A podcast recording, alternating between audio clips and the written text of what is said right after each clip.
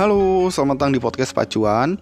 Jadi aku mau bikin Q&A di Instagram pribadi aku Urban Property Brother.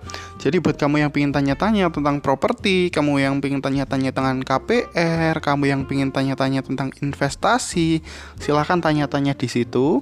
Nanti untuk jawabannya bakal aku taruh di episode pacuan yang selanjutnya. Ya, terima kasih.